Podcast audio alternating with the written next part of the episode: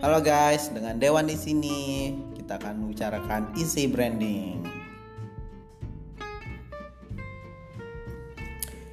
Ya, isi branding itu sebenarnya adalah uh, idiom yang gue temukan gitu ya. Surprisingly, gue cari-cari jarang, jarang banget yang ngambil kata isi branding ini gitu.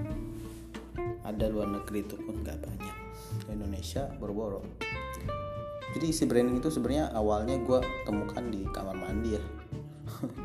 Lagi mandi terus gue lagi mikirin tentang branding terus gue kepikiran oh, kenapa kok orang merasa namanya branding itu susah padahal isi isi banget sebenarnya. Nah itulah kita akan bicarakan tentang branding yang mudah. Gimana? Ikutin terus podcast di sini